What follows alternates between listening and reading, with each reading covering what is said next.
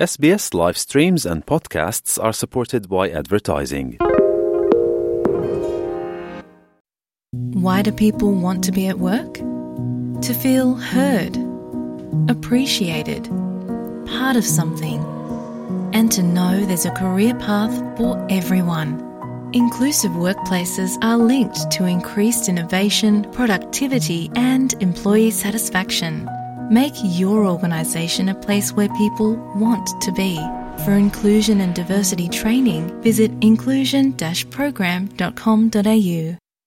ඔබ SBS සිංහල ගුවන් විදිලිය සමකෙන් SBS ගුවන් විදිලිය ප්‍රවෘත්ති කාලීන සිදුවීම් සහ තොරතුරු ඔබ වෙත සමීප කරවයි. සම්බන්ධ වන්න SBS සිංහල ගුවන් විදිලිය සමඟ.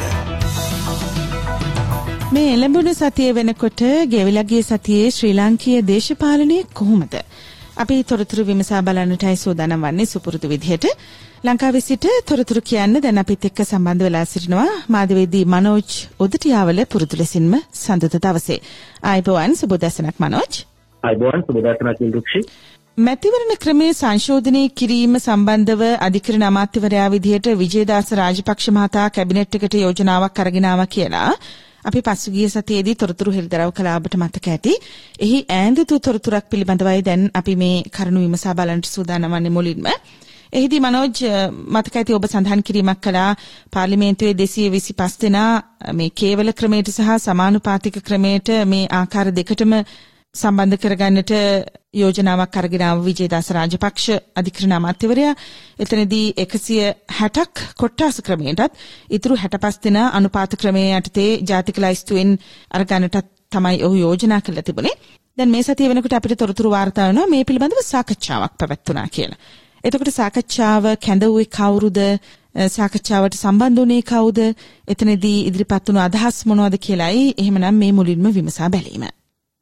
පොදුරුෂි අග්‍රාමාත්‍යවරයාගේ ප්‍රධානත්වයෙන් පාර්ලිමේන්තු සංකීර්ණය තමයි මේ විශේෂ වැක්වීම් පැවැත්වුණේ මේ මැතිවරණ ක්‍රමය වෙනස් කිරීම සම්බන්ධයෙන් පක්ෂ නායකයන්ගේ අදහස් දැනගන්න කැඳවපු රැස්වීමක් කොමුණත් සියලු පක්ෂ නායකින් මේ අවස්ථාවට සහභාගී වෙන්නේ නැහැ. ජාතික ජනබලවේගය සමගි ජනබලවේගය මේ රැස්වීමට ආවේ නැහැ. නමුත් මේ යෝජනාව කැබිනට් මණ්ඩලයට ඉදිරිපත් කරපු විජේදාස රාජපක්ෂ ඇමතිවරයාත් මේ අවස්ථාවට එකතු වෙලා හිටියා.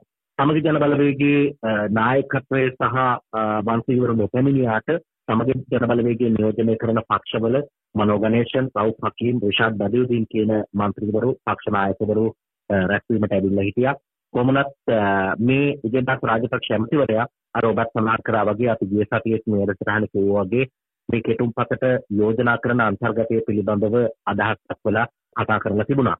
කොහොමනත් උදේ ගම්මන්පිල මන්ත්‍රීවරයා මේ අවස්ථාවේ සහභාගී වෙන අතරේ මේ යෝජනාව හොඳ යෝජනාවක් බවට අගය කරලා නමුත් ආණ්ඩුව මැතිවරණය පවත්වන්නේ නැති එක ගැන ජනතාව තුලත් පක්ෂ තුලත් යම් අවිශ්වාසයක් තියෙන බව මැතිවරණ ක්‍රමය කල් දාන්න ඒ කියන්නේ මැතිවරණ කල් දාන්න ඉඩ දෙන්න බැරි බව උදේ ගම්මන්පිල මන්ත්‍රීවරයා සඳහන් කරලා තියෙනවා. දල සලාපරු මන්ත්‍රීවරයාත් අදහසක් කළ කලින් ඔය දිනේශ් ගුණවර්ධන කමිටුව පිළිබඳව මැතිවරණය වෙනස් කරන්න මැතිවරණ ක්‍රමය වෙනස් කරන්න පත් කරපු දිනේශ් ගුණවර්ධන කමිටුව පිළිබඳව අදහස් දක්වලා ඒ හරහා මැතිවරණ නොපවත්වා ඉන්න ආණ්ඩුව කටයුතු කරાવી කියන අදහස ඇතිව මැතිවරණය සම්බන්ධයෙන් තියෙන්නේ යම් ආකාරයෙන් බංකොලොත් ගිණුමක් තියෙන වචනයක් එතුමා අවශ්‍ය කරලා තියෙනවා. එහෙම සඳහන් කරලා පක්ෂ නායකින් මේ රැස්වීමට සහභාගී නොවුන නම් ඒ සහභාගී නොවෙන්න නොවෙන්න බලපාපු කාරණයකුත් මෙතුමාට කල් දාන්න ගන්න උත්සාහය කියන එක දලසරාතුරු මන්ත්‍රීවරයා සඳහන් කරලා තියෙනවා. ඒත් එක්කම ගෙවිඳු කුමාරතුංග මන්ත්‍රීවරයා අතුරු මැතිවරණ ක්‍රමය ආයිමත් ඇතුළු කිරීම හොඳ දෙයක් කියන අදහස ඉදිරිපත් කරලා තියෙනවා. සාගර කාර්යවසම් කෝට්ටුව ශ්‍රී ලංකා පොදු ජන ප්‍රමුඛේ ලේකම්වරයක් කියලා තියෙන්නේ. පැමිණිලා ඉන්න පක්ෂ නායකයින්ට හරි කාට හරි යම් සැකයක් තියෙනවා නම් අරුණු විමසලා ඒක විසඳ ගන්න කියන යෝජනාව සඳහන් කරලා තියෙනවා. ඒ අනුව බලුවට පස්සේ විවිධ අදහස් සමග විපක්ෂයට අර වුන් පොදුයි මතු කරා වගේ මැතිවරණ ක්‍රමය වෙනස් කරන්න උත්සාහ කරනවා කියන්නේ මැතිවරණ කල් දාන්න ගන්න උත්සාහයක් කියන අදහස් තමයි විපක්ෂ මන්ත්‍රීවරු බොහෝ දිනක් ඉඳලා තියෙන්නේ. ඒ අනුව මේ පිළිබඳව තවත් සාකච්ඡාවක් මේ ආකාරයෙන් පක්ෂ නායකයන්ගේ අදහස් කරගන්න සිද්ධ වෙලා තියෙනවා.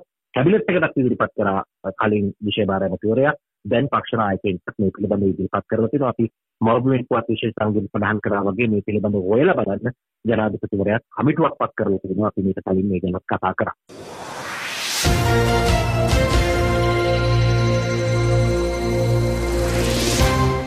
මේ වගේ මැතිවරණයක් නොමැති පසුබිමක හදිසියේම එක්සත් ජාතික පක්ෂයේ විශේෂ මහා සම්මේලනයක් පැවැත්වුවේ ඇයි?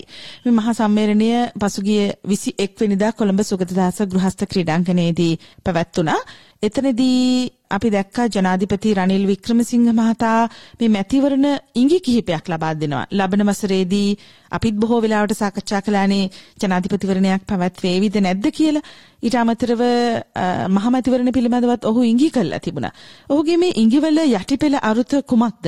ඒ පිළිබඳව යම් සූදානමක් තියෙනවද? එතකොට ඔහු ජනාධිපතිවරයා එක්සත් ජාතික පක්ෂයේ මේ විශේෂ මහා සම්මේලනයක් මැතිවරණයක් පවා නොමැති වකවානුවක පවත්වන්නට අදහස් කළේ ඔහුගේ ඉදිරි සැලසුම් එක්සත් ජාතික පක්ෂයේ සමගින් සිදු කරන්නට ඔහුගේ බලාපොරොත්තුවක් තියෙනවද? ඒ පිළිබඳව සවිස්තරාත්මක කරුණු මීළඟට මම ඔබෙන් බලාපොරොත්තු වෙනවා මනෝජ්. ඔව් ව්‍යවස්ථාවට අනුව අපි ලබන අවුරුද්දේ මේ වගේ දවසක කතා කරනවා නම් ඔක්තෝබර් මාසේ අද වගේ දවසක් වෙනකොට ව්‍යවස්ථාවට අනුව අලුත් ජනාධිපතිවරයෙක් පත් වෙලා ඉන්න ඕනේ. ඒක තමයි ව්‍යවස්ථානුකූල ස්වභාවය. ඒ නිසා තමයි සියලු පක්ෂ මොන මැතිවරණ පරිදියක් ජනාධිපතිවරණය අනිවාර්යෙන් ලබන වසරේ පවත්වන්න වෙනවා කියන යෝජනාව කරන්නේ. ඒ පිළිබඳව විවිධ මුහුණුවරින් අර්ථකථන ලබා දෙන්නේ. ඒ අනුව එක්සත් ජාතික පක්ෂය පවත්වපු විශේෂ සම්මේලනයේදී රනිල් වික්‍රමසිංහ ජනාධිපතිවරයා සඳහන් කරලා තියෙනවා ලැබෙන අවුරුද්දේ ජනාධිපතිවරණය පවත්වනවා කියලා. ඔව් යම් විශේෂ එහෙම වෙනස් වෙන්නක් ඉඩක් නැහැ. ව්‍යවස්ථානුකූලව ලබන අවුරුද්දේ ජනාධිපතිවරණය පැවැත්විය යුතු. ඒ සඳහා සූදානම් වෙනවා කියන අදහස් තමයි ජනාධිපතිවරයාත් කරලා තියෙන්නේ. අපි කලින් කිව්වා මේ මැතිවරණ කොමිසමෙනුත් ඒ පිළිබඳව අහලා තියෙනවා කියලා. මැතිවරණය පවත්වනවා නම් මේ සඳහා කොතරම් මුදලක් ඉදන් වෙනවද කියන කාරණයක් විමසුවා කියලා මීට මාස කිහිපයකට කලින් අපි කතා කරා. ඉතින් ඒ අනුව උදලියට පස්සේ එක්සත් ජාතික පක්ෂ විශේෂ සම්මේලනයේ ජනාධිපතිවරයා ලබන අවුරුද්දේ ඡන්දය තියනවා කියලා කියනවා. ස්මාර්ට් කන්ට්‍රි ජයගනු 2048 තේමාවෙන් තමයි මේ සම්මේලනය සංවිධානය කරලා තියෙන්නේ.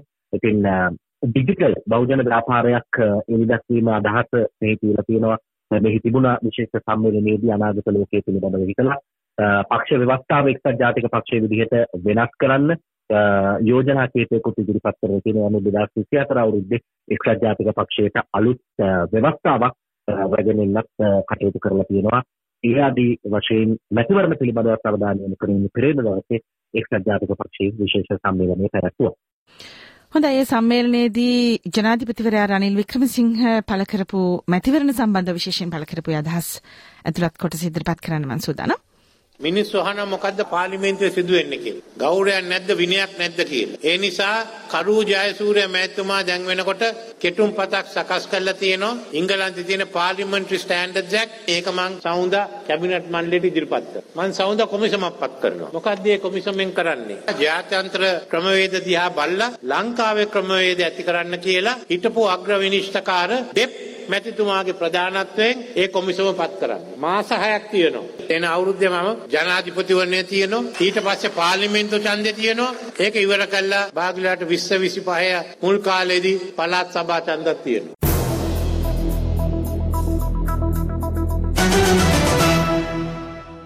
මීළඟ කරුණු විමසා බැලීම පාර්ලිමේන්තු මැති ඇමතිනීන්ගේ විනය හා සම්බන්ධව බොහෝ දුරට සාකච්ඡා වුණු කාරණාවක් පිළිබඳව මේ ගෙවිලගේ සතියේ සමාජ මාධ්‍ය තාමත් මේ සම්බන්ධව වන තොරතුරු විවිධ ස්වරූපයෙන් වාර්තා කරමින් සිටිනවා.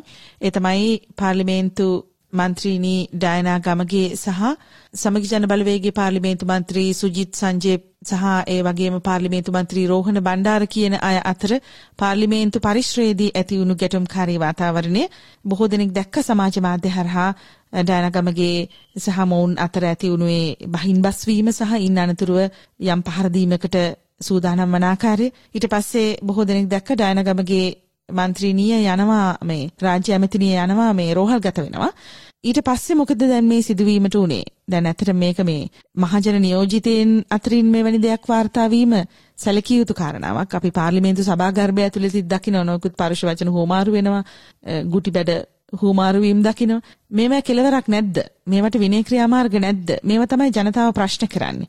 එතකොට ඒ සම්බන්ධව යම් ක්‍රියාමාර්ගයක් පිළිබඳව තොරතුරු වාර්තා වෙනවද? මේ සිදුවීම දැන් කොතනද තියෙන්නේ ඇත්තටම? හොඳයි අපි දැක්ක ගිය සතියේ සජිත් මාන්නපෙරුම මන්ත්‍රීවරයා සිංකෝලේට අත තිබ්බා කියලා සති හතරක කාලයක් පාර්ලිමේන්තුව ඔහුට අත්හිටෙව්වා. ඊට දවස් දෙකකට පස්සේ තමයි මේ අවස්ථාවන්ත සිද්ධිය සිද්ධ වුණේ බොහෝ දෙනෙක් එක්ක සමාජ මාධ්‍ය ඇතුලේ සංසර්ගය වුණා පාර්ලිමේන්තුවේ කොහොමත් භාවිතා නොකළ යුතු නොගැලපෙන වචනත් ඔවුන් කතා කරා. ඉතින් ඒ ඇතුලේ මේක ගුටිබෙට හෝමාරුවක් දක්වා ගියා කියන අදහසින් තමයි ඩයනගමගේ රාජ්‍ය අමාත්‍යවරිය පසුදා රෝහල්ගත වෙලා තිබුණේ. දාම ඇය ටිකට් කපාගෙන ගිහිල්ලා තිබුණා. දැන් මේ සම්බන්ධයෙන් පරීක්ෂණයක් පැවැත්විය යුතුයි කියලා කතානායකවරයා නියෝග කළා යෝජනා කරා පාර්ලිමේන්තුවේදී ඒ පිළිබඳව ඔහු ඉදිරිපත් කළා කතානායකවරයා අජිත් රාජපක්ෂ නියෝජ්‍ය කතානායකවරයාගේ ප්‍රධානත්වයෙන් කමිටුවක් පත් කළා චමල් රාජපක්ෂ මන්ත්‍රීවරයා ජයන්ත කර්මාතිලක මන්ත්‍රීවරයා නිත්‍යස් වාකිරමාකර මන්ත්‍රීවරයා ඒත් එක්කම රමේෂ් පතිරණ ඇමතිවරයා මේ කණ්ඩායමෙන් සමන්විත පස්වෙනිකුගෙන් සමන්විත කමිටුවක් පත් කරලා තියෙනවා මේ පිළිබඳව විමර්ශනය කරන්න කියලා. ඒ සම්බන්ධයෙන් විමර්ශන වාර්තාවක් ලැබෙවි. අද දවසේ මේ කණ්ඩායම වැඩ පටන් ගන්න මේ නිසයි මොකද්ද මේ මේ කියලා ඔයලා බලන්න. දැන් විශේෂයෙන් මේක සමුගතන බලවේගී සහ දානගම්ගේ රාජ්‍ය ඇමතිවරයා අතර අවස්ථා කිහිපයකට යන කෙන විශේෂයෙන් පාර්ලිමේන්තුවේදී වචන හෝමාරු සිද්ධ වුණා.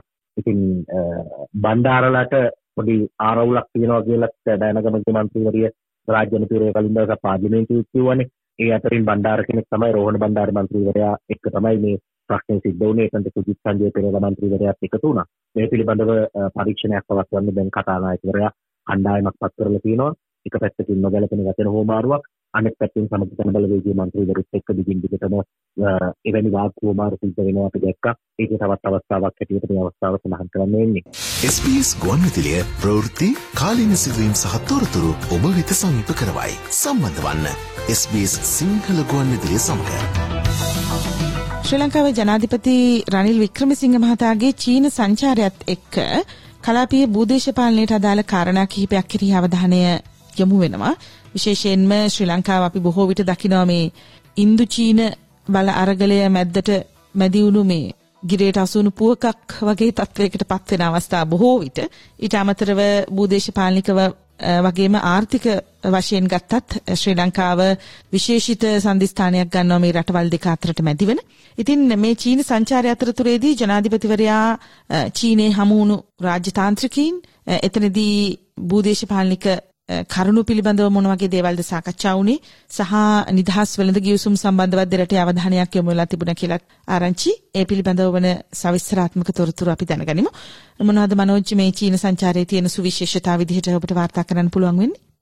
ජනාධිපතිවරයා චීන ජනාධිපතිවරයා හමු වුණු වෙලාවේ අර ඔබ කිව්වා වගේ කිරියට වුණු කෝකේ කතාවට වෙන්න ඕනේ. ඉන්දියන් සාගර කලාපයේ අනන්‍යතාවය සාමය ආරක්ෂා කර ගැනීම සම්බන්ධයෙන් ලංකාව වැඩි අවධානයක් යොමු කරනවා. ඒ වගේම බලාරදලේ විදුරක් බවට ඉන්දියන් සාගරය පත් කරගන්න අවකාශ ලබා දීම අනවශ්‍යයි කියලා ජනාධිපතිවරයා ශ්‍රී ලංකාවේ ජනාධිපතිවරයා මේදී සඳහන් කරලා තියෙනවා. ඒත් එක්කම ලංකාවේ ලැබුණු පළවෙනි විදේශ වාණිජ්‍ය දිවිසුම රබර් සහල් දිවිසුම ගැනත් මේ මේකේ අවධානය යොමු කරලා තියෙනවා. ඒ හරහා ගිහිල්ලා ඉස්සරහට දෙරටේ පොදු ප්‍රතිපත්ති වලට ගැලපෙන විදිහට වාණිජ්‍ය සම්බන්ධය ඇති කරගන්න අවශ්‍යයි කියලා ජනාධිපතිවරයා පෙන්වලා දෙන තියෙනවා වගේම චීනයත් එක්ක නිදහස් වෙළඳ ගිවිසුමකට එළඹෙන්නත් ශ්‍රී ලංකාව අපේක්ෂා කරන බව ජනාධිපතිවරයා සඳහන් කරලා තියෙනවා. ඒ වගේම කලාපීය ආර්ථික සමතුලිතතා සංවිධානයේ සමාජිකත්වය ලබා ගන්නත් ලංකාව උත්සාහ කරමින් ඉන්නවා කියලා මෑන්නිස් පිළිසින ජනාධිපතිවරයා සඳහන් කරලා තියෙනවා. චීන ජනාධිපතිවරයාගේ පැත්තෙන් කියනවා තියෙනවා කොළඹ වරාය නගරය සම්බන්ධක වරාය මේවා සංවර්ධනය කරන්න එක තීරයක් එකමාවතක් ප්‍රසරණ යටතේ සම්පූර්ණ සහයෝගය ලබා දෙනවා. ඒත් එක්කම චීන උපාගමැතිවරයා ඔහු සඳහන් කරලා තියෙනවා මේ ව්‍යාපෘති දෙකම සාර්ථකව අවසන් කරන්න හැකි වෙනවා. ඒකට උදව් කරන බව සඳහන් කරලා තියෙනවා. ඒත් එක්කම විශේෂයෙන්ම චීනය වැදගත් වෙනවා ණය ප්‍රතිව්‍යුහගතකරණය සම්බන්ධයෙන් එවැනි ක්‍රියාකාරකම්වලදී අවංකව ඒ සඳහා අදහස් දෙකක ඉන්නේ නැතුව තනි තීරණයක ඉඳලා කටයුතු කරන්න සූදානම් බවත් සඳහන් කරයි කියලා වාර්තා වෙනවා.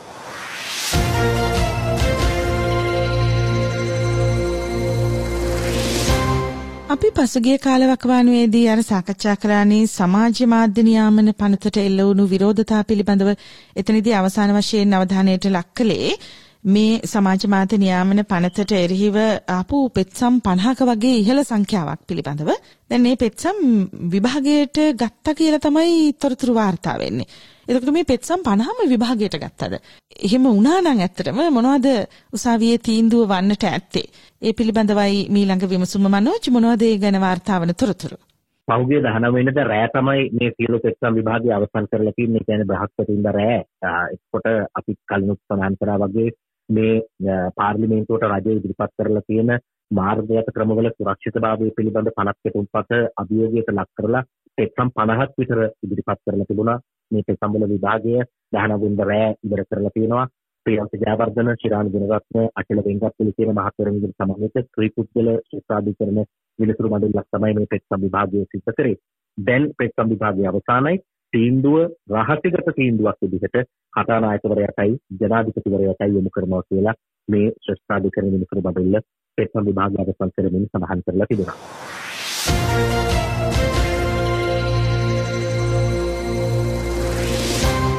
හිටපු ජනාධිපති සහ හිටපු අගමැතිවරයෙක් වුණු වර්තමාන පාර්ලිමේන්තු මන්ත්‍රී මහින්ද රාජපක්ෂ මහතාගේ උපන්දිනය ලබන මාසයට නොවැම්බර් මාසයට යෙදී තිබෙනවා. ඒ නිමිත්තෙන් විශේෂිත වැඩසටහන් කිහිපයක් සඳහා තියෙන ලකලැස්වීමක් පිළිබඳව තොරතුරු වාර්තා වෙනවා.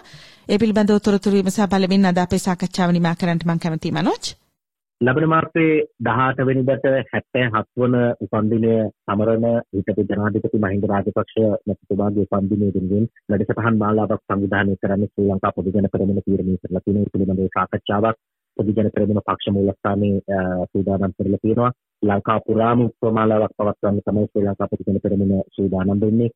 ප්‍රසන්න රණතුංග ඇමතිවරයාත් එක්ක Rohitha Abeygunawardena, Steve Chandrasena, Johnson Fernando, Mahindananda Aluthgamage, P D Rathnayake, Namal Rajapaksa, S P. Dissanayake කියන മന്ത്രിවරු මේ කාර්යයන් බාරගෙන තියෙනවා කියලා වාර්තා වෙනවා. කම්බන්තොටදී නාමල් රාජපක්ෂ මන්ත්‍රීවරයා මේ කුච්චයක් පවත්වන්න සූදානම් වෙනවා කියලා සඳහන් කරලා තියෙනවා. ගම්පහට වෙනම දවසක් ප්‍රසන්න රණතුංග ඇමතිවරයා ඉල්ලගෙන තියෙනවා ඉතින් මේ ආදී වශයෙන් ලබන මාසය ජනතාව අතරට යන්නත් මහින්ද රාජපක්ෂ හිටපු ජනාධිපතිවරයාගේ උපන්දිනය සමරන්නත් ඒ සඳහා මාසය යොදා ගන්නත් ශ්‍රී ලංකා පොදු ජන පෙරමුණ කටයුතු සැලසුම් කරලා තියෙන බව තමයි වාර්තා වෙන්නේ සූති මනෝජ් ගෙවලගේ සතියේ ශ්‍රී ලංකීය දේශපාලනය හා සම්බන්ධ වන තොරතුරු අපිට වාර්තා කළාට එමනම් හෙට හමුවෙමු මෞබිමෙන් පුවත් විශේෂාංගයෙන්.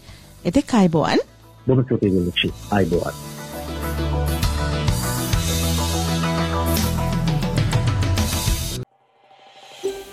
මේ වගේ තවත් තොරතුරු දැනගන්න කැමතිද?